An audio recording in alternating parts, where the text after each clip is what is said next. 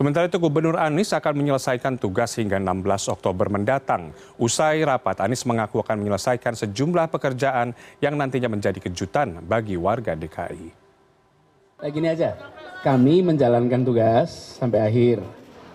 Yang mau berdebat soal hukum, silahkan para ahli hukum untuk berdiskusi. Ya, saya akan menjalankan tugas sampai akhir, eh, sampai akhir yaitu tanggal 16 Oktober. Dah, itu nggak ada yang berubah. Kan masih ada yang diresmikan satu-satu. Hmm. Nanti anda lihat satu-satu. Kalau disampaikan semua di sini nggak ada surprise-nya.